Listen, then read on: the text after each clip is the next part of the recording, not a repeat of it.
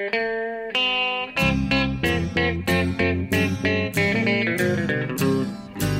out there, we're on the air. It's hockey night tonight.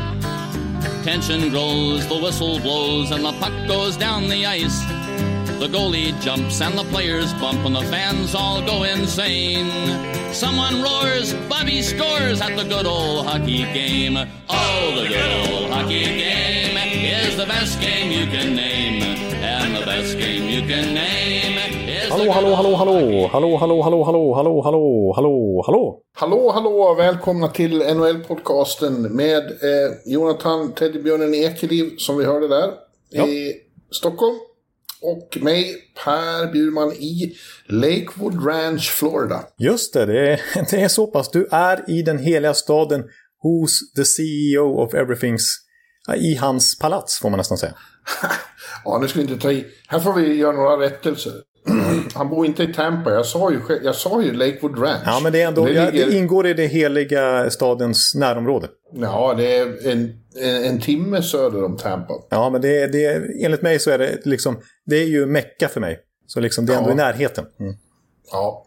ja, och palats ska vi väl inte kalla det, men det är väldigt fint och trevligt här. Och nu sitter jag på eh, Peter Sibners kontor. Då. Peter själv är faktiskt på, eh, på semester. Han och familjen har åkt på roadtrip. För deras son Milton fyllde 13 år i, igår, så de är ute och eh, åker runt. Och jag och en annan kollega har fått låna huset. där. Men vi ska åka tillbaks till Tampa eh, senare idag. Det, nu när vi spelar in det här så är det ju 4th of July i USA. Det är Just det. stor högtid. Landet fyller år och eh, fyrverkerier och barbecue står på programmet. Så vi ska åka upp till Tampa igen och, och fortsätta invänta eventuell fortsättning på finalen där. Jag förstår, men ett bakslag av väldigt få bakslag du och ni där borta i Tampa har drabbats av här på slutet, det är ju att Tiki-baren är stängd. Den var stängd, Jonathan. Ja. Någon har insett eh, det stora misstaget och öppnat den igen. Den är nu öppen eh, från eh, tidig dag till 01 på nätterna. Så att, eh, den eh, kommer få besök denna 4th of July, det kan jag försäkra dig. Ja, ja det är ju... Det är magiskt alltså. Jag tappar... Ja. Nu kommer jag knappt kunna prata med er resten av podden här när jag hör sådana såna ljuvliga ord. Ja. Ja, du var, du var, det var ju en besvikelse att komma ner och att de hade stängt för renovering. De har, det har sålts igen, någon ny ägare ville renovera men så, och har stängt när, när Lightning spelar Stanley Cup-final. Vad som kan vara Flo- hela Floridas mest populära bar. Det var mycket ett, ett bedrövligt misstag som nu har korrigerats. Ja, men det händer ju, det händer ju mycket här och, och, och, och samtidigt då sitter vi och väntar på en orkan som eh, just nu plöjer genom Karibiska sjön eh, upp över Haiti, Hi- Hispaniola-ön där och sen Kuba. Och sen kommer hit och allt tyder på att den kommer att hit Tampa-trakten eh, tis, mellan tisdag och onsdag. Just det. Och det är, vem, vem trodde något annat? Efter den här säsongen, när vi har gått igenom precis allt, så är det såklart att den ska avslutas med en orkan också. Jo, det är ju på ett I Stanley sätt inte förvånande. nej, nej, nej, det är helt otroligt. Så att, och nu vet vi ju inte hur schemat alls kommer att se ut i fortsättningen, om det behövs göras om. Men, men det kan bli så att det blir förskjutningar in i det sista för att eh, man ska undvika den här orkanen. Oj, oj. Drama. Det, Ja, Ja, verkligen. det, det, det allra krång- svåraste kan vara att få ner lagen från Montreal igen efter, efter Game 4. Om de behöver åka hit. Ett lag ska ju definitivt hit i vilket fall som helst. Ja, nej, precis. För att eh, liksom, om det skulle nu hända, om vi säger att ett av lagen skulle vinna med 4-0 i matcher för att inte jinxa någonting här. Vi får se hur det går. Men det lutar ju åt, ett- åt ett håll får vi säga, det kommer vi komma in på mer. Eh, men då vill det ju, det laget vill ju i så fall fira med en parad i kanalen där i Tampa. Det kan ju bli tufft. Ja, fast det, ja, de försvinner ju snabbt de här. Och det är inte någon jättestorm. Det är en tropisk storm. Det kan bli lite, vad heter det, strömavbrott och sånt som ställer till det. Men, men eh, så farligt är det. Jag är inte det minsta nervös faktiskt. Bring it, säger Bjurman. Säger Bjurman. Ja, okej. Ja, det förvånar mig inte heller, vet du. Bjurman, det, det ska mycket till för att skaka Bjurebiff. Ja, jag har varit med om värre i, i det avseendet. Just det, det känner jag till. Ja, ja. Ja, men som sagt. Eh, vi vet inte hur det kommer att se ut. Därför att eh, den här finalen, eh, ja vad ska man säga Jonathan? Det står ju alltså 3-0 till Tampa efter tre matcher. Eh, och de kan fullborda en sweep. Eh, det är... Det är svårt att se någonting annat. Jag har ju lärt mig att inte vara tvärsäker. Framförallt under det här slutspelet. Framförallt när det gäller Montreal. Ja, har fått se många överraskningar och eh, sånt som har slagits fast att nu är det så här har visat sig inte stämma. Men att vända 3-0 i en final, det har hänt en gång och det var 1942. Det är 80 år sedan. Ja. Ja. Och det händer ju överhuvudtaget otroligt sällan eh, i slutspel. Det har bara hänt fyra eller fem gånger. Fem gånger nu. Ja, till och med jag som inte vill jinxa saker får väl säga att det, det ser bra ut för Tampa Bay. ja, det kan man lugnt säga. Att de ska vinna fyra raka matcher mot Montreal. Det, det, eh, ja, det, det, är, det är inte ens procent, det är promillen att det skulle kunna ske. Ja, nej, det kan jag nog nästan skriva under på. Eh, Ja, vad säger vi egentligen om den här finalserien? Varför står det 3-0 matcher egentligen till Tampa då?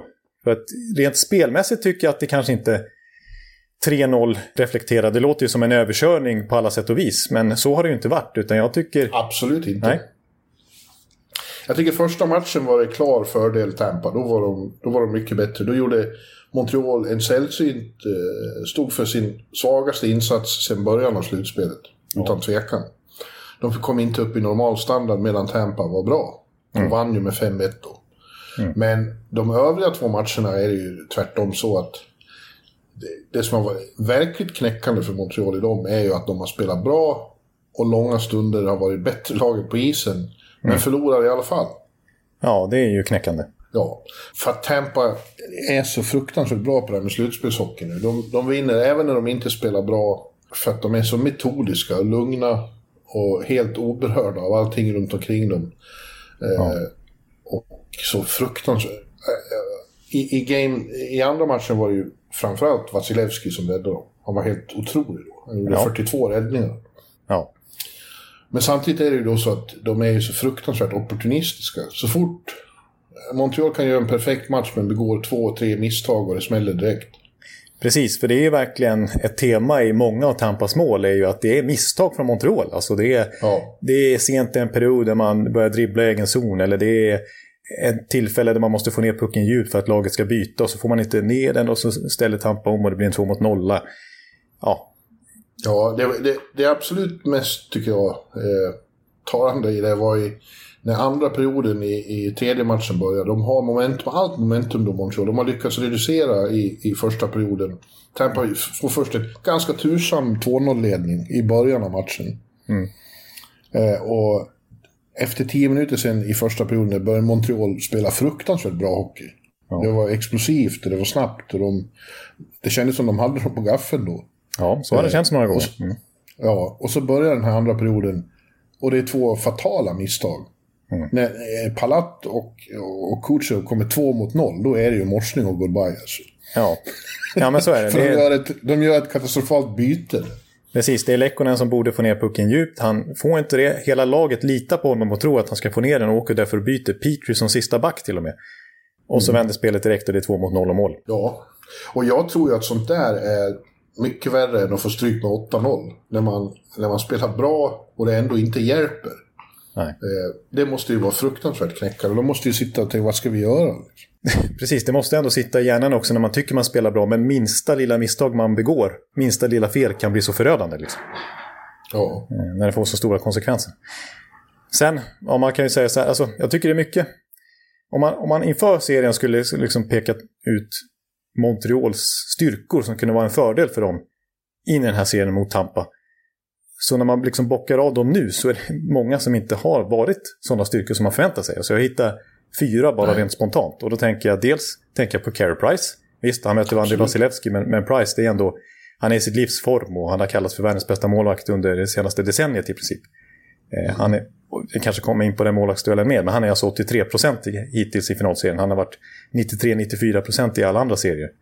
Eh, ja. Vi har Tampas powerplay, eller snarare då Montreals boxplay som var som styrka, kom in i den här finalen med 30 raka kills och 93 procent eh, oh. i boxplay. Och man tänkte att hur ska, hur ska Tampa göra mål på det här? Och visst, powerplay har inte varit den avgörande faktorn för Tampa, men de har ändå gjort två mål i den formen och brutit Montreals svit. Liksom. Eh, man tänker spelet framför mål. Där har Montreal varit väldigt bra med sina stora fysiska backar och, och de underliggande siffrorna har varit positiva för Montreal där med få lägen i, i slottet för motståndarlagen. Men Tampa har än så länge de har gjort fem mål från slottet.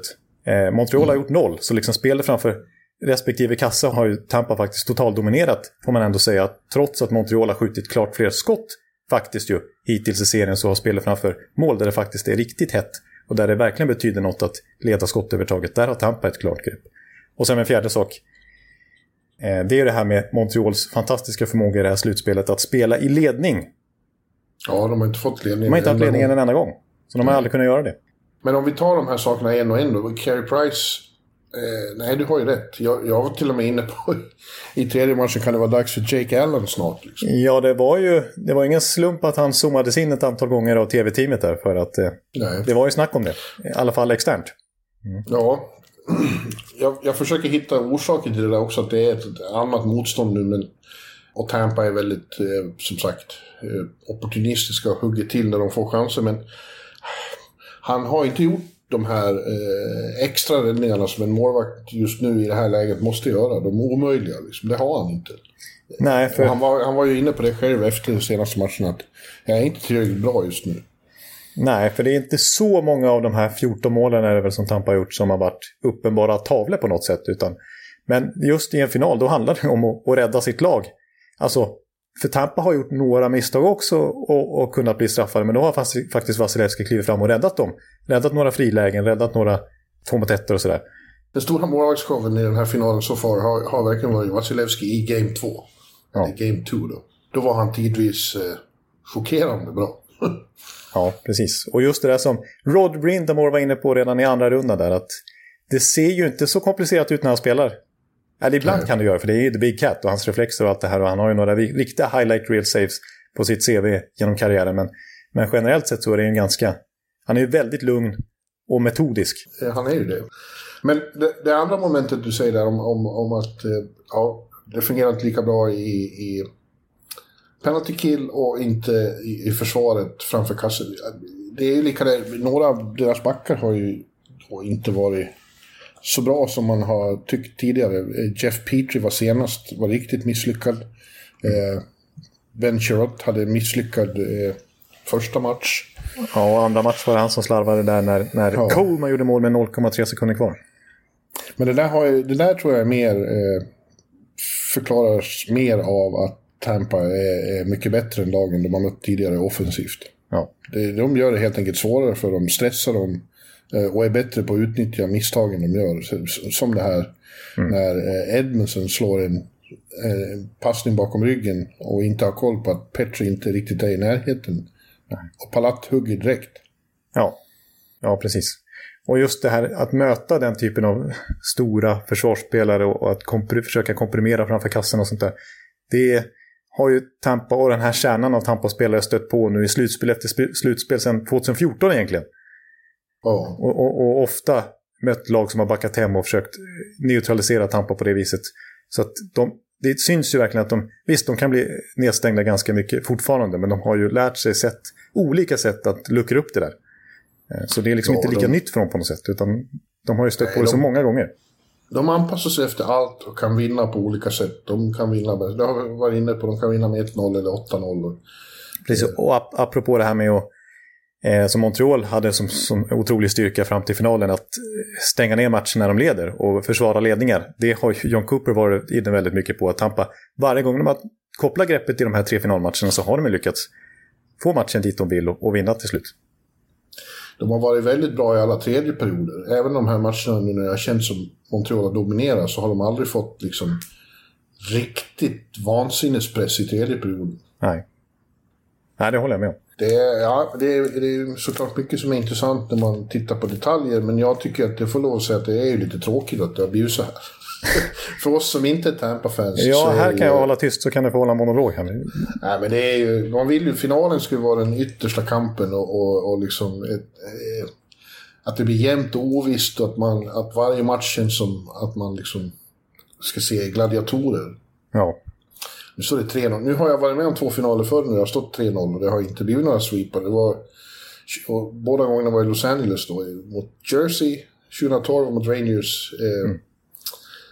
2014. Eh, och eh, då slet sig båda offren till eh, en. De vann, ja, Jersey vann två matcher. Devils vann två matcher. Mm. Eh, och Rangers lyckades i alla fall undvika att bli svepta. Mm. Ja, jag, jag ser ju hemskt gärna att, att Montreal vinner Game 4 så att det inte blir sweep. Det vore ett antiklimax av, av enorma dimensioner. Ja. Jag förstår att du inte tycker det. Nej, men, nej eh, verkligen inte. men jag, jag, jag, kan förstå den objektiva synpunkten här, absolut. Och dessutom sitta här och vänta på så kommer det ingen, det blir ingen femte match. Eh, och vi bara suttit, suttit här. Det är lite sån känsla i Tampa också, bland människor märker man att det, de vet inte riktigt vilket ben de ska stå på. De vill ju helst inte att Montreal ska få vinna någonting, men de, å andra sidan skulle de helst vilja att Tampa vinner på hemmaplan i Game 5 inför sina fans för en gångs skull. Men där, så där kan man inte hålla på och tänka antar jag. Så. Nej, jag vet, är laget läskigt. kan ju verkligen inte tänka så att nu sparar vi det här. Nej, precis. Vi, vi släpper den här matchen så vi får hem, vinna på hemmaplan. Den inställningen kan man ju inte ha. Men man kan ju också, jag kan ju också känna det lite grann att när vi fick fira i bubblan förra året så skulle det vara skönt att få fira inför ett fullsatt Amelie Arena och liksom knipa Stanley Cup-bucklan där som vi gjorde 2004. När det var så galen fest i arenan. Ja. Men eh, ja, det kanske jag önskar sig för mycket. Hellre bara knip igen där nu. Ja, men eh, eh Montreal kommer ju att vara... Alltså de har, det handlar om stolthet och grejer nu. Ingen vill bli svept. De tar, tänker ju ta en match i taget och de kommer göra allt för att undvika sweep. Ja. Och jag hoppas de lyckas. Jag hoppas verkligen de lyckas faktiskt. Jag är ledsen Jonathan. Ja. Men jag håller stenhårt på Montreal i jag får, väl, jag får väl ta det. Grejen är ju det här att eh, eh, då, när, när lag har, på, man kommer så här långt och det är final och det är dags för att vinna fjärde matchen och bli mästare. Mm. Det är många som får spaghetti i benen då, blir mjukglass i armarna.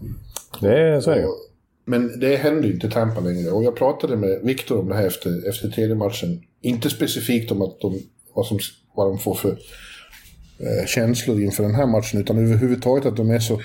När de vann i fjol så var det fler matcher när det var, även från deras håll var liksom eh, desperation och känslor. Ja. Nu känns de så kalla och så metodiska. Och så, och så, eh, det spelar ingen roll vad som händer. De har allting under kontroll. Och, och Viktor svarade om det där att det har att göra med vad de har gått igenom tidigare. Ja. Eh, jag tycker jag hör hur det knarrar i parketten på Åsögatan. Jo, lite grann är det. det, det jag är inte själv här, utan min sambo kliver, kliver runt lite här också. Precis köpt en tårta tror jag faktiskt. Jaha, vad fint. Ja. Ska ni fira 4th of July? Eh. Ja, men vi ska gå över till, till några kompisar senare ikväll. Så är det faktiskt. ja, men det, är, det är ingen, det är ingen jinx som att jag ska fira något annat, om du tror det. Som kan hända imorgon. Ja. Nej, jag, jag, jag hör... Eh, det är, men det är härligt att höra en, en stockholmsk vardagsrumsparkett knarra lite. Det var länge sedan. Ja, jo, vi har inte ett icke-knarrande golv. Det kan, vi inte, kan inte den här lägenheten beskylla oss för. Nej, så är det. Ja, ja eh, Han har knarrat extra mycket om, ja. Viktor pratade mycket om eh, att eh, det här handlar om att de vann i fjol. Att de har, de har gått igenom så mycket och, det har varit jobbigt så många gånger. Men i och med att de till slut vann så har det liksom en, en ny attityd fortplantat sig genom truppen. Mm. Eh, de är mycket lugnare och de är mycket liksom, ja de kan ägna sig åt det de ska istället för att känna så mycket. Ja, förut var ju känslan, så visst man ville verkligen vinna den här kuppen men det var också en känsla av att förlora så mycket. Ska vi sumpa det ett år till liksom? Ja. Ska vi misslyckas ännu en gång som vi har gjort? Ska vi fortsätta bli hånade av hockeyvärlden? Men nu har ju den pressen, den bördan är ju borta. Och det tycker jag märks också. Och sen så... Ja, jag har två saker jag ska säga. En konstig grej och en seriös grej. Ja. Ska jag ta... Den, den seriösa grejen i så fall, det är väl att eh, en lite underskattad drivkraft som även Cooper var inne på, det är att han pratade nyligen här om att det här slutspelet och den här finalserien faktiskt känns lite som the last day of school. Ja. Att, vi vet ju allihop, och vi har pratat mycket om det, att Tampa ligger över lönetaket. Och faktum är att nästa säsong, redan nu, trots flera utgående kontrakt, så är de redan över lönetaket då också. Jo. Så möjligheten att behålla det här laget över en 82 matchers säsong. Jag menar, de kan inte, Kutjov kan inte bli skadad liksom, ett år till. Alltså hur mycket brist på en trollar med knäna igen så, så är det här eh, liksom, den här skolklassen. Ja, ha, det kommer ha Hedman på, på skadelistan i en grundserie. Ja, ja nej, precis. Men, men Coleman och, och Goodrow som kommit in här och, och kanske vinner två Stanley Cups, i alla fall en har de bärgat åt oss, eller på att säga nu. De kommer ju försvinna. Vi har inte en fullständig backuppsättning nästa säsong. Ingen tredje kedja, ingen backupmålvakt. Och ligger redan över löntaket. Så att alla i Tampa, utan att Cooper eller någon annan behöver nämna det för dem, vet att det här kommer förmodligen aldrig spela i ett bättre lag. Och nästa år kommer det, var de än spelar någonstans, vara förmodligen i ett sämre lag, även om de stannar. Eh, så att det här är en enorm chans att vinna Stanley Cup. Och det är en enorm chans för den här kåren att göra det också. Som har, visst har en Stanley Cup nu, men som har varit med så länge. Cooper som har varit i, ja, den coach som har suttit längst på sin post i hela NHL. Eh, mm. Eh, Tyler Johnson är som vet att han kommer lämna förmodligen. Alltså det, det är som de säger, the last day of school lite grann är känslan. Och, och, de vill verkligen ta vara på den här chansen. Och det är en inre drivkraft för samtliga spelare som inte ens behöver nämnas för den. Nej, det är klart. Så är det förstås. Ja. Och den konstiga grejen jag skulle säga, det är lite som du var inne på. Alltså, jag är ju en konstig supporter, det vet ju alla. Eh, du är konstig överhuvudtaget. Jag är konstig överhuvudtaget. Det, det är kanske den. Jag behöver inte nämna supporter utan konstig överhuvudtaget. Eh, det här är ytterligare en sån här grej. Men jag tror vissa som håller på andra lag, som håller, ni som håller på Boston eller Chicago eller vad som helst, kan känna likadant. Och det här är helt irrationellt. Det här är konstigt, eh, minst man kan säga. Men jag tittar på mycket, försöker nästan se alla Tampa-matcher under årets gång. Och så har jag gjort det i minst tio år. Och, och då, då, kan det vara så liksom att jag vill ju, mitt kynne och det humör jag är på, det, det, känns som att det styr lite grann hur det går för Tampa sen på natten. Eh, liksom, alltså, om jag är oseriös den dagen och liksom snackar att det här blir en lätt seger i natt eller jag behöver knappt titta på den här matchen för de kommer ju bara sopa hem den. Då blir det ju torsk. Så jag står där och viker mina strumpor och har lite sådana här konstiga sysslor för mig för att vara koncentrerad och fokuserad inför matchen på natten så att, ja, så att det ska lösa sig. Och ofta har det stämt. När jag, de få gånger jag har vaskat i match och tänkt att ja, jag orkar inte se den här matchen som börjar klockan tre i Arizona eh, när, när Tampa spelar, Äh, då förlorar de naturligtvis med 6-1. Men, men i det här slutspelet, vet när jag har haft lite annorlunda arbetstid och inte kan vara uppe på nätterna hela tiden och faktiskt missat första gången slutspelsmatchen med Tampa, sen första ja. gången sedan 2011, då har de vunnit ändå. Så nu har jag märkt att det spelar ingen roll att jag... Nej, tänk, tänka sig. det spelar ingen roll vad du gör. Nej, precis. Men eh, jag, jag, jag vet att jag var konstig. Men liksom, hela, hela Tampa har ju blivit så... Och jag vet att det inte berodde på mig naturligtvis. Tidigare. Men liksom, de, de, de chokar ju obenhörligen här, den här kärnan av spelare i 5-6 år. Men nu helt plötsligt så, så gör de ju nästan aldrig det. Och de har ju som sagt inte förlorat två raka matcher i slutspel på två år. Och jag vet att det inte beror ett dugg på mig, men, men, min teori då har fullständigt dött nu. Vilket är väldigt lättnat för mig. Att jag behöver inte gå runt och ha ångest, jag behöver inte gå och vika in strumpor inför matcherna längre. och sånt där. Även om jag sover så vinner de ändå. Så att, eh, ja, det... de gör nog det. Jag tror inte de är det minsta beroende av vad du gör och inte gör faktiskt. Nej, jag, jag, jag förstår att vi kanske tappade 40% av våra lyssnare efter det här. Men eh, så är det i alla fall. Nu har jag fått det sagt. Ja, men... Eh, eh jag, eh, jag förutspår att du förlorar eh, oavsett vad du gör eh, Game 4. Jag, jag, hoppas det. Stora finaltipset, det var bara en som har, tippat 4-0 till Tampa. En kan bli ensam vinnare för första gången någonsin i, i, i Stora finaltipsets historia. Oj då, vem är det då? Johan Rylander på GP. Jaha, där ser man. Där har du en vän. Där har vi en vän till mig, ja verkligen. Det får jag ju beteckna det som nu, verkligen. Bra gjort Johan Rylander. Stor shoutout, mm. om det nu blir så ska vi säga också. Mm. Ja, det, jag påpekade ju en sak som inte gjorde dig något glad inför Game 2. Då var du lite så här passive aggressive sur på mig. En, mm. en, en, en, en, en grej med Tampa är ju att det är känt att de aldrig gör två dåliga matcher i rad. Och aldrig förlorar två matcher i rad i slutspelet. Det händer ju inte. Nej. Men eh, lika ofta händer det att de gör en efter en riktigt bra match så kan det komma eh, mindre lyckade insatser. Det såg vi mot Islanders inte minst. Verkligen. Och mot Florida. Mm. Mm. Eh, så den faktorn finns ju där också. De, de, är inte perfekta varje kväll. Nej, det är, så är det verkligen. Det är, det är inte en totalt maskineri som bara känslokallt styr undan allting. Utan de, de kan faktiskt åka på plumpar också. Ja. Speciellt efter segrar som du är inne på. Och nu kommer de att få se det, det bästa Montreal har. Det är inget snack om det. Nej. De kommer att och, och gör precis allt för att undvika det här ödet. Senaste var en sweep, en fullbordad sweep var 98 när Detroit eh, svepte Washington. Mm. Mm. Bortsett från er så är det ingen som vill se det, ni fans. Ingen vill se det. Nej, och det händer väldigt, väldigt sällan. För det är ju, det, det är ju svårt. Det är de två bästa lagen den här säsongen som möts. Och att det ja, då ska bli en ja, sweep, det, inte, det, det händer ju ja, det, väldigt sällan som sagt. Ska inte bli så. Eh, jag kommer att se matchen, hoppas jag, ändå eh, i Amalie Arena. Det är sagt att vi får komma in på pressläktaren på Watch Party och se matchen på storbildsskärmen. Oj, oj. Och det kommer ju vara full hall i så fall. Ja. ja du kanske får vara med om eh, dunderfesten då, då? Ja, dunder för jag kommer inte ha någon fest, Jonta. Ska inte du ut på isen då? Och jubla? Ja, vad ska jag ut på isen Jo då, då vinkar till allihopa. Hugg med! I Thunderstruck. Ja. ja. Du, eh, nu ska jag springa och hämta lite mer kaffe innan vi kommer in på andra saker. Vi har lite annat att diskutera än finalen också. Verkligen, det händer så mycket utanför Stanley Cup-finalen också som har med NHL att göra. Berätta lite mer om dina strumpor och så, hur du viker dem. Ja, det kan vi göra. Ja. ja men det är som sagt, strumpvikning är någonting jag sysslar med ganska mycket. Inför matcher, det funkar väldigt bra. Jag kan tipsa om det. Eh, jag gillar att, att, vika upp dem till en... Jag har en bra teknik visserligen för att få ihop dem till en väldigt liten boll som tar väldigt lite plats. Eh, så det kan jag verkligen eh, rekommendera att öva lite grann på det. Träning ger färdighet.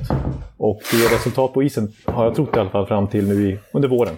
Så att, eh, Ja, ja, vad, vad sa du nu? Det skulle jag vilja veta. Ja, du får lyssna igen och och få lite tips om strumpvikning. Ja, jag får göra det. Ja. Ja, jag vet inte, det finns man skulle kunna gå in på otroligt många fler detaljer i den här finalen, men, men eh, ja, vi är det vi är. Vi är där vi är och eh, vi har så pass mycket annat att gå in på här också. Så vi, det är väl lika bra att ge oss i kast med... Ja, men om, jag, om jag ska ta tag i det här så, så är det väl eh, nästan läge att börja med vad som har hänt i svensk väg. För det, är ju, det rör sig Ja. på trademarknaden och en liten bomb med svenska ögon sett i alla fall får väl säga var att Viktor Arvidsson här blev skickad efter sju säsonger i Nashville till Los Angeles Kings. Ja, i utbyte mot eh, draftval i andra och tredje rundan. Precis. Eh, jag, eh, ja, det blev jag väldigt paff för, måste jag säga. Eh, nog har man förstått att eh, Poyle är lite missnöjd med var, var Nashville Predators befinner sig. Eh, att de har liksom stagnerat lite inte är en contender just nu. Nej. Och att det skulle kunna hända saker. Men att han skulle trada just Arby, det hade jag inte trott. Eh, jag tycker faktiskt att det känns lite som när, när Rutherford tradade Patrik Hörnqvist plötsligt. Eh, det är mycket av omklädningsrummets själ och hjärta som plötsligt försvinner. Och dessutom ju en väldigt duglig spelare. På ett ganska bra kontrakt. Dessutom. Ja. Eh, radarpartner med Filip Forsberg som ju omedelbart visade sitt missnöje med en eh, tummen ner på Instagram. Precis, det var en tydlig markering får vi säga. Ja, även Ryan Johansson och Matt Duchene gick ut med, att, det- med meddelanden att det var... Ja, de var mycket ledsna över det här. Ja. Ja, Vi tutade på Söder. ja det var någon som tyckte och blev arg här. Ja, det kanske var någon som höll med. Någon Nashville-supporter här.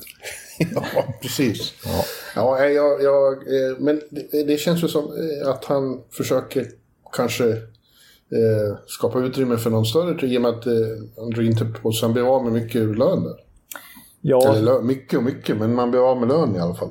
ja, precis. Och sen så har han ju påstått, David Paul, att det hade en del med expansionsdraften att göra också. För i hans ögon i alla fall så har ju Arvis ställning i klubben fallit lite grann. Och visst, hans siffror har gjort det på senare år också. Alltså säsongen 18-19 var ju extremt bra Ar- Arvidsson. Han gjorde ju 34 mål på bara 58 matcher.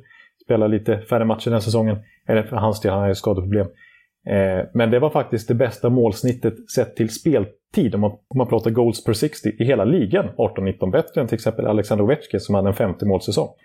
Eh, så stekigt då, men sen dess har han bara gjort 25 mål på drygt 100 matcher. Så hans målsnitt har ju gått ner ordentligt. Och det har väl delvis, eller kanske ganska mycket att göra med skadan han råkade ut för. Var väl november 2019 när Robert Bortuzzi gjorde en ganska ful grej på honom. Ja, han har ju varit skadad. Det är ju det hela. Eh, och han... Eh, John Hines började ju dribbla med honom och Filip och Johansen ganska ordentligt när han kom dit. Ja. Så att jag, jag, vet, jag vet inte riktigt, men det känns ungefär... För, för Poyle var ju inne på en rebuild till och med redan mitt under säsongen, vilket vi, pratade om innan den stora vändningen kom för Nashville och de gick till slutspel efter att de, låg väl till och med sist i sin division där ett tag. Ja, och det var snack om Mattias Ekholm då. Det var ju faktiskt lite snack om Arvidsson då också, till och med Filip Forsberg. Men jag vet inte, det är svårt också i det läget som Nashville befinner sig i. För den trupp som var byggd inför den här säsongen som gick, det var ju verkligen en contender-trupp. Det är liksom Johansson och Matthew Shane på sina enorma kontrakt fram till liksom 25-26 någonstans. Och, och, och Roma Josie, kaptenen som är 31 nu och har ett liksom, nyskrivet åttaårskontrakt. Alltså, eh, det, det är svårt att börja rebuilda utifrån de förutsättningarna. Eh, men... Ja, det, det de framförallt borde rebuilda genom är att skaffa en ny general manager. Han har ju varit där sedan Jesus gick i shorts. Det är dags att byta nu. Den enda de har haft Nashville sen. Ja. Grundades på 90-talet. Ja, han har ju inte varit lika lyckosam som han, han var fram till att han byggde upp det här laget som man trodde då skulle vinna en Stanley Cup efter finalplatsen 2017. Men som ju har backat sen dess lite oväntat. Eh, spelmässigt och resultatmässigt. Ja, men jag har varit inne på att kritisera honom förut att han stör kemin i laget eh, ibland med sina ingrepp. Just det, redan när de var, när, när de vann President's Trophy där ju, och vi ja. trodde på dem jättemycket inför slutspelet. Då gjorde de lite konstiga trades vid deadline som ju, som du var mycket inne på eh, just med kemin, att det, det ruckar till det istället för att förstärka laget. Ja, det här tror jag definitivt gör det. Eh, Arvidsson, är, han, till att börja med är han ju folkhjälte i Nashville. Han är antagligen den populäraste vid sidan av Pekarinne, den, mest, den populäraste spelaren där, den enda som får egna ramsor för att han jobbar hemåt och, och nitar fast pucken i, i sargen ja. i egen kortsida. Ja. Och, och det blir avblåst och hela publiken står upp och skanderar Arvi, Arvi. Eh, men han är också eh, väldigt god vän då till viktiga spelare i laget och eh, radarpartner som sagt till Filip. Ja, den gamla klassiska Jofa-serien, den är ja. officiellt ett minne. Eh, ja. Så jag, jag, jag, jag förstår inte just den. Jag förstår att det kan finnas skäl att göra saker, men den förstår jag inte. Samtidigt ska vi gratulera då eh, Los Angeles Kings som får en riktig tillgång på, för ganska billigt pris. Verkligen. Jag, jag tror ju när Arby har kommit över det här, för att han ville nog väldigt gärna stanna i Nashville egentligen med sina kompisar och liksom fullfölja det på något sätt. Men eh, nej, alltså Kings eh, har ju verkligen varit ett bottenlag här flera år i rad sedan deras dynasti eh, tog slut. Men, men de är på väg att bygga upp någonting och, och det märks ju med deras moves här nu. Förlänger med Alex Iafallo vid deadline istället för att trade honom till exempel. Eh, och snacket om att de är inne lite kring Eichel, de hör sig för om Seth Jones och så här. De tradar nu för Arvidsson. De är på väg uppåt. De Absolut. har en fantastisk prospect pool. De har många spelare på uppgång överhuvudtaget. Så att, nej, Kings kan bli ett spännande lag att tillhöra den här sidan av 20-talet. Det tror jag absolut också. Mm. helt rätt. Eh, det är av Kalifornienlagen, det är de som känns eh, mest spännande just nu. Ja, precis. Och, och, och något, kanske redan nästa säsong, men på några års sikt så känns det som att de, ja, de kan bli riktigt farliga på allvar faktiskt. Eh, inte bara ja. ett slutspelslag igen. Eh, och vi får se om han får spela med där, men det är inte alls omöjligt att han sätts upp i första kedjan med Anse Kopitar.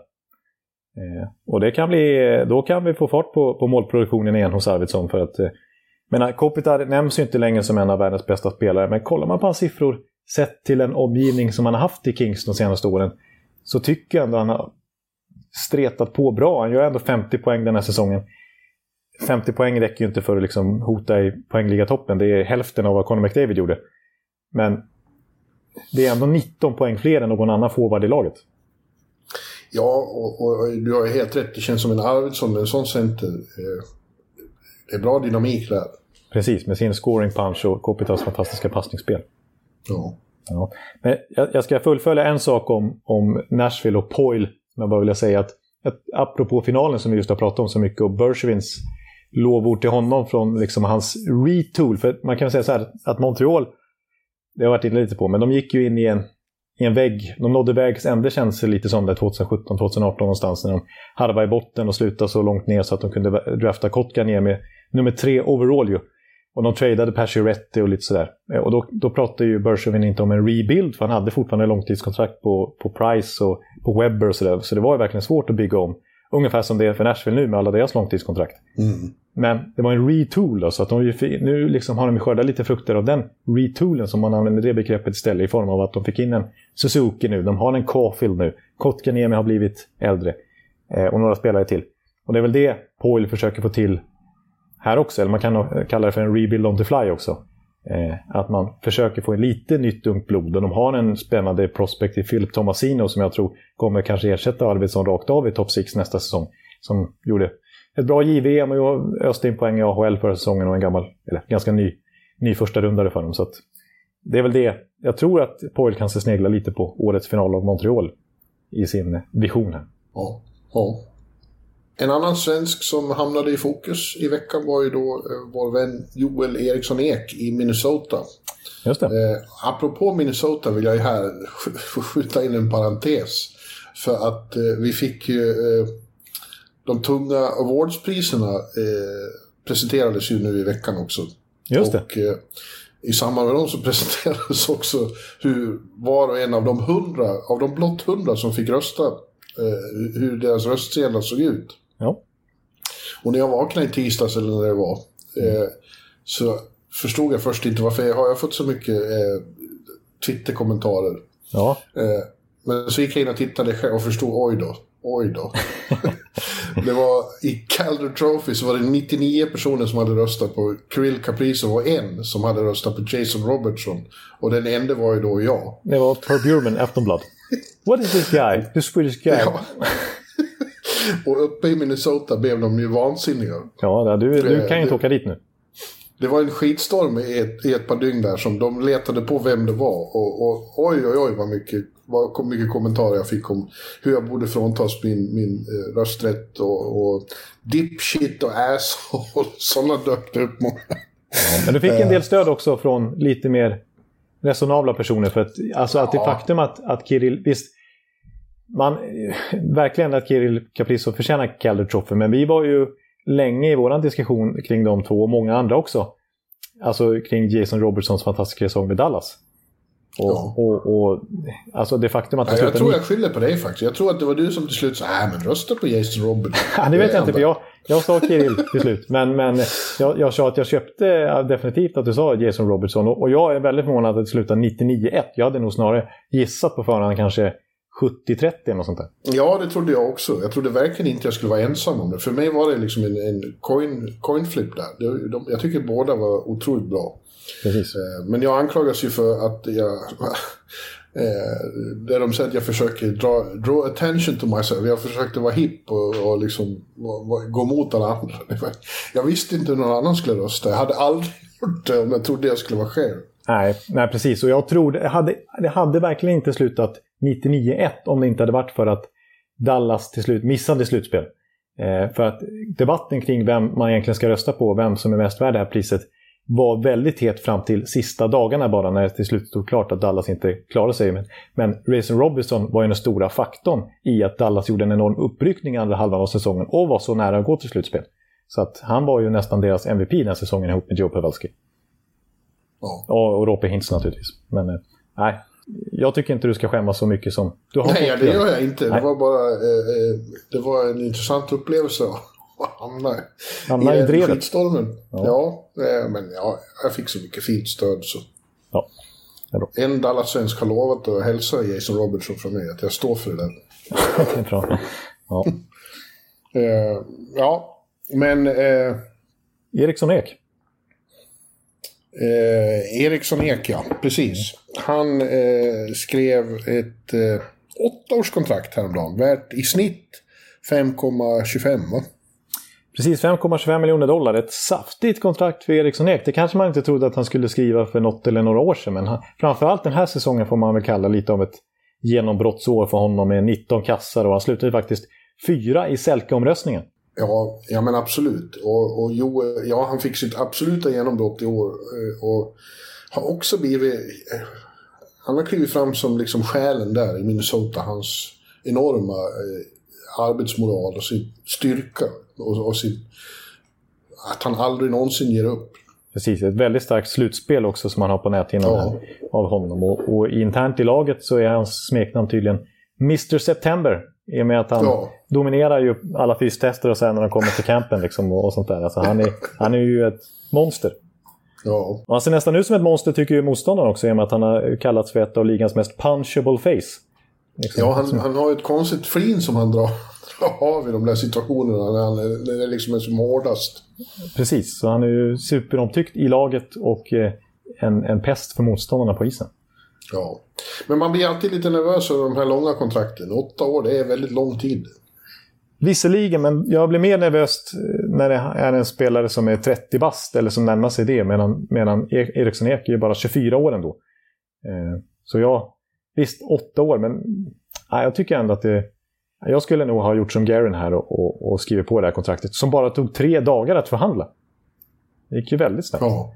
Och, och, lite typiskt svenskt också att skriva de här långtidskontrakten, att man vill ha tryggheten. Vi har ju sett väldigt, väldigt många svenskar skriva långtidskontrakt. Jo. Eh, ja. liksom, jag tror inte, kanske inte Eriksson Ek, för jag vet inte om hans offensiva uppsida är så enorm så att han skulle kunna förtjäna en ännu högre cap hit än så här om några år. Men annars har vi sett många exempel på där man kanske skriver det här långa kontraktet lite väl tidigt bara för att man vill ha tryggheten. Snarare än att kämpa ihop pengarna och liksom nå så hög cap hit som möjligt. Du, jag fick ett, ett trevligt eh, sms här. Jag måste bara läsa det för dig. Jaså? Från NHL. Good morning, Per. Wanted to let you know you're welcome to attend the watch party on Monday in Tampa and sit in your same seat in the main press box. Oj, oj. Då ser man, jag satte nästan halsen när jag hörde det. Oj. Ja. Ja, jag, blir, jag, blir, jag blir jaloux. Ja, jag kommer att sitta i Amalie. Eh, Det känns ju ändå kul att få eh, slippa att sitta vid en TV bara. Ja, du säger så här. Det känns ju ändå kul.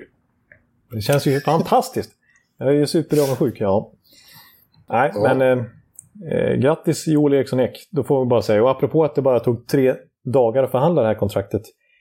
Eh, det är lite skillnad mot Kirill Caprizo som vi just pratade om. Då. Eh, han har ju Bill Guerin sagt att, inför sommaren att han är number one priority. Det är han som jag ska skriva kontrakt med först. Sen börjar jag kolla på Eriksson Ek och Kevin Fiala och sådär. Men det verkar... Det är struligt med Caprizo alltså. Ja, Han är inte intresserad av att bara sätta sig vid förhandlingsbordet och, och krita på första bästa. Utan det, det känns lite som att han är ute efter att göra en Panarin här. Eller möjligheten till att göra en Panarin att skriva ett ganska kort kontrakt så att han ganska snabbt blir UFA. Han är ju restricted free agent i det här läget. Men så att han om bara tre år så har han möjlighet att bli UFA. Han vill inte skriva längre kontrakt än så. För då är han plötsligt fri på marknaden och kan göra som Panarin, till exempel gå till Rangers eller vilken klubb han vill. Hoppas han då. Och, och, och få ett rejält kontra- kontrakt istället för att binda upp sig i åtta år som Eriksson Ek i Minnesota. Vilket Kirill Kaprizov då inte alls verkar vara intresserad av. Men som, som Minnesota verkligen vill. De vill ju låsa upp sin fra, nya franchise-spelare. tänk nu när han säger att om jag, om jag hade fått alla hundra röster i Calder eh, omröstning, då, då hade jag skrivit på direkt. Ja, Men, men det är this Permuman guy. He, I can't be here anymore. ja, då kan jag inte visa mig i Minnesota med. Nej, Nej just det. Nej, så är det. Ja, eh, i övrigt så har det ju verkligen börjat röra sig också på ryktesfronten. Det är väldigt mycket surr nu och eh, mellan finalen när- när den nu slutar och, och eh, Expansionsdraften. Ja, så kommer det att vara ja, vanliga draften och sen free agency. Ja. Det kommer att vara... Eh, Kaos. Nej, kaos kanske inte kommer att vara, men det kommer att hända mycket. Det är helt klart. Eh, Vi kan ju ta några av de hetaste diskussionerna. Jack Eichel är fortfarande eh, högst på den listan då och mindre och mindre eh, tyder på att han kommer att vara kvar i Buffalo. Ja, precis. Jag tycker inte det har varit... Jag trodde nästan att han skulle på gränsen till vara tradad med det här laget. För nu har vi pratat om i några veckor och bara liksom för två veckor sedan tyckte jag att det, det, det rapporterades om att det är snarare days and weeks innan vi får se en trade. Eh, Men han är fortfarande kvar, men intresset är Mm. Ja, det, naturligtvis... är, det är ju för att eh, de begär så väldigt mycket såklart. Eh, Ja. kanske för mycket. Ja. En, en, en klubb som tydligen har blandat sig i och är väldigt intresserad är Chicago plötsligt. Ja, men där läste jag häromdagen också att, att det kanske är överdrivet det snacket och att Chicago snarare fokuserar på Seth Jones. Och Dougie Hamilton. Ja, Det finns någon som säger att de tänker försöka få båda dem. Ja, du ser. Han har ju ryktesfloran här. Det, det, vi har olika uppgifter båda två och, och läser allt möjligt här.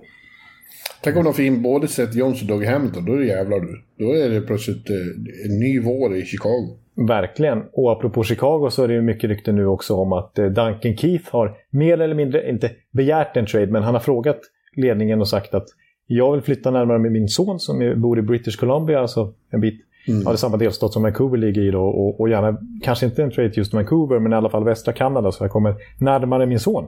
Och att Ja. Chicago har börjat eh, höra sig för med de lagen lite grann. Jo, men att de skulle kunna få in både Hamilton och, och, och Seth Jones bygger ju på det att till exempel han försvinner. Ja, då blir de av med nästan 6 miljoner dollar i lön i två år till. Ja. ja. Mm. Och apropå Chicago och väldigt mycket i lön så kanske Jonathan Taves verkar ju...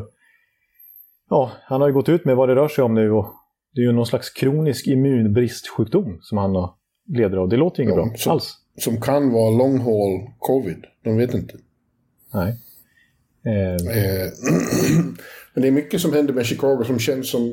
Det är lätt att misstänka att det händer därför att de behöver eh, få fokus på annat än skandalen som plågar eh, organisationen. Och Verkligen. För, förhoppningsvis, eller borde sluta med att, att eh, Stan Bowman får sparken. Exakt. Måste sluta. Stan Bowman är ju verkligen aktiv i, och rör sig här i alla möjliga, eh, kring alla möjliga spelare och agenter här nu för att få saker gjorda. Men egentligen, det känns ju som att, att han ska kunna sitta kvar efter det som har kommit fram.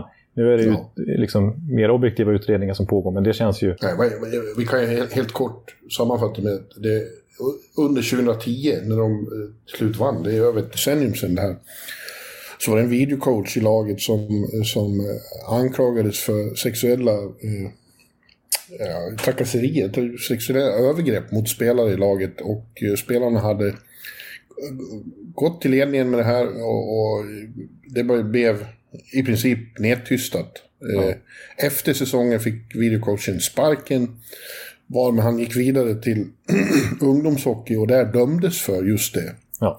Eh, hade Chicago gått till polisen kanske det hade kunnat undvikas. Det är väldigt, väldigt allvarliga anklagelser. Så är det. Eh, det är juridiskt väldigt svårt för att stämma. Och om det här visar sig nu vara stämma så kan de inte... De som är kvar från då i ledningen, bland annat Bowman, ja. kan inte vara kvar i så fall. Det är helt omöjligt.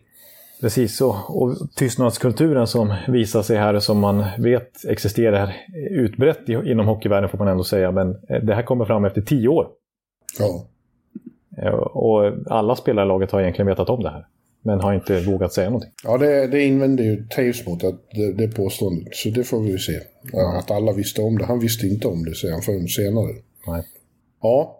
Eh, Men ledningen visste om det i alla fall och, och, och att stämma Ja, verkligen. Och, och underlät att gå till polisen, vilket de sannerligen borde ha gjort. Ja.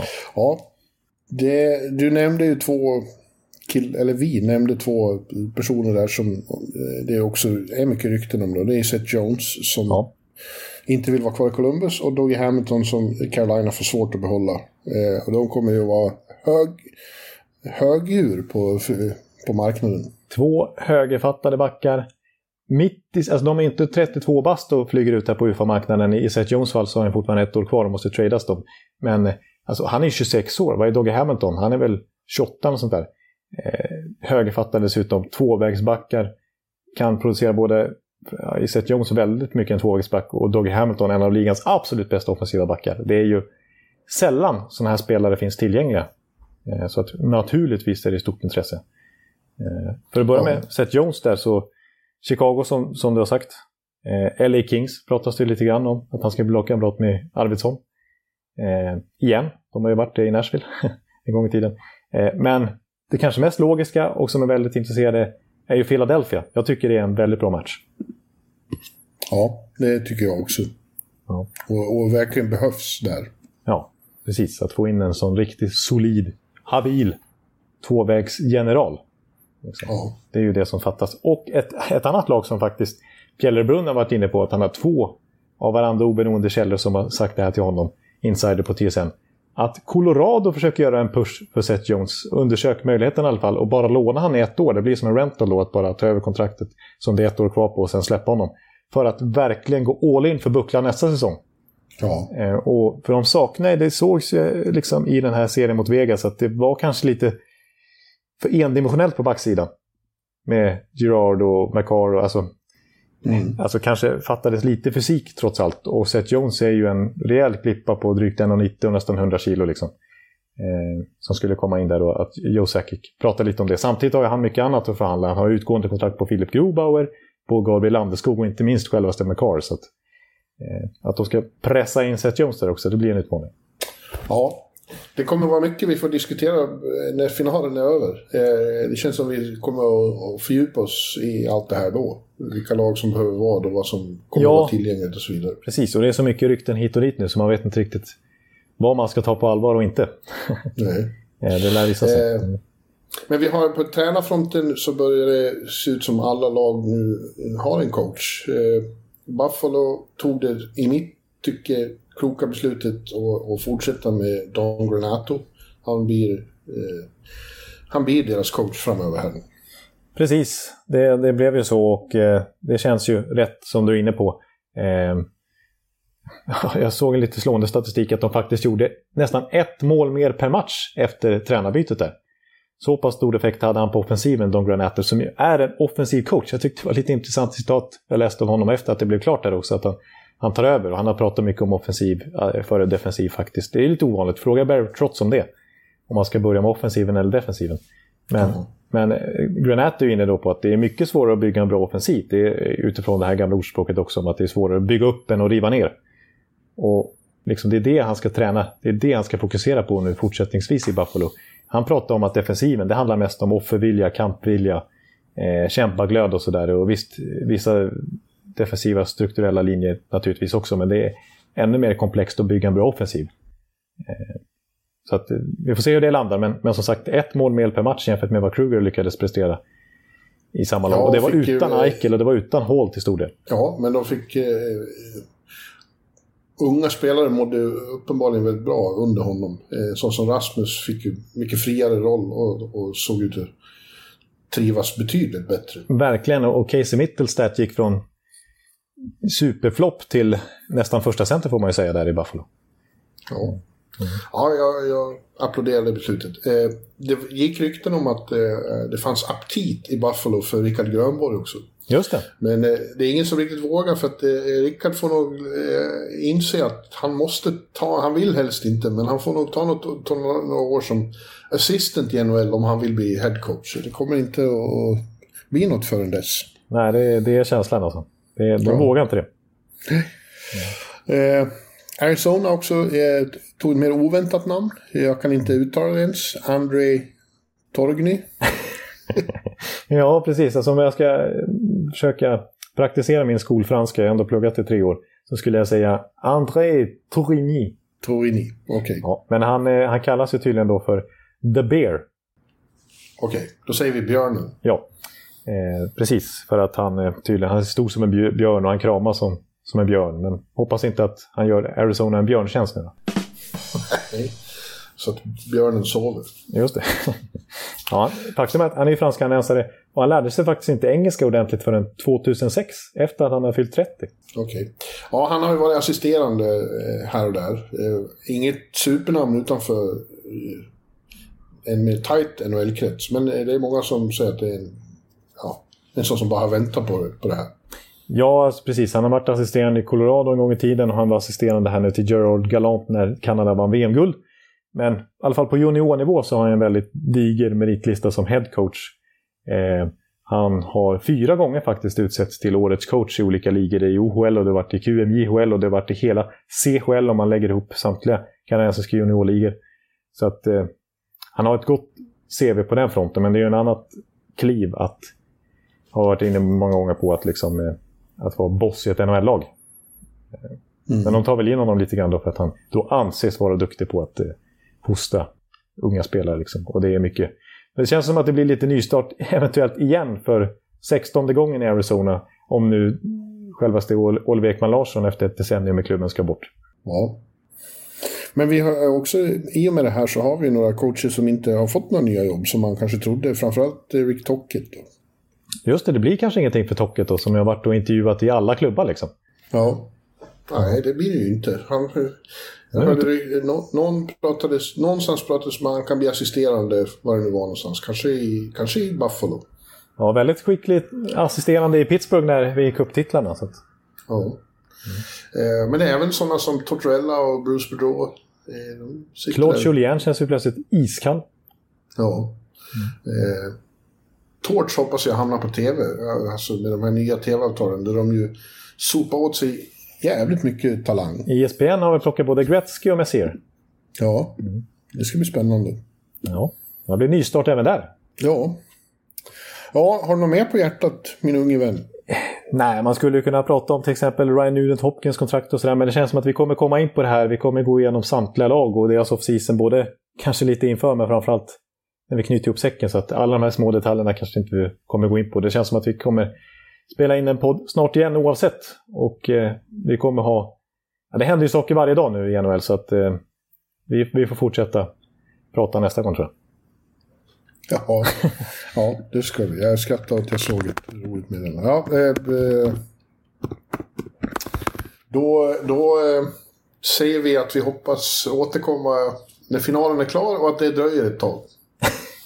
ja, jag hoppas vi hörs snart igen allihopa. gärna, gärna det. Ja.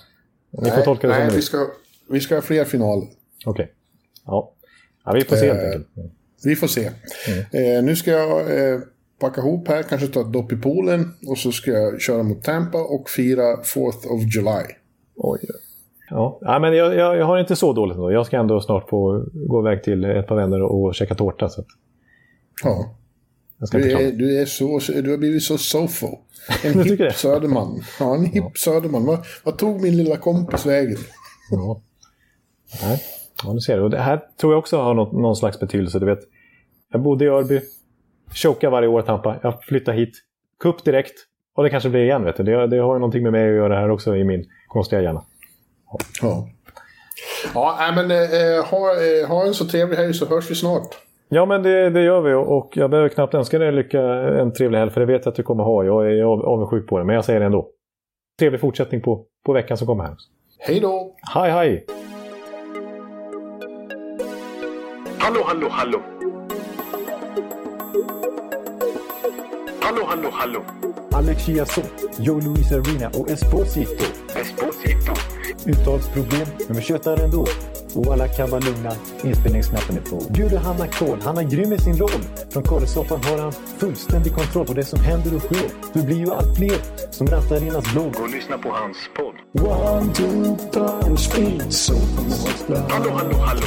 One, two, time, speed, so Hallå, hallå, hallå. Ekeliv, som är ung och har driv. Verkar stor och stark och känns allmänt massiv. Han hejar på Tampa och älskar Hedman. Sjunger som Sinatra. Ja, och där ser man. Nu är det dags för refräng. Dags för magi, Victor Norén. Du är ett geni.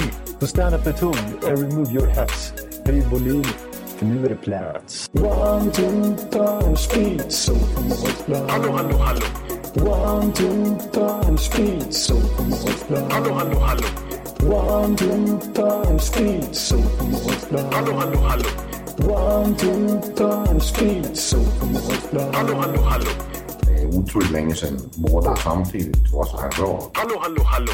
Det är otroligt länge sedan båda samtidigt var så här bra.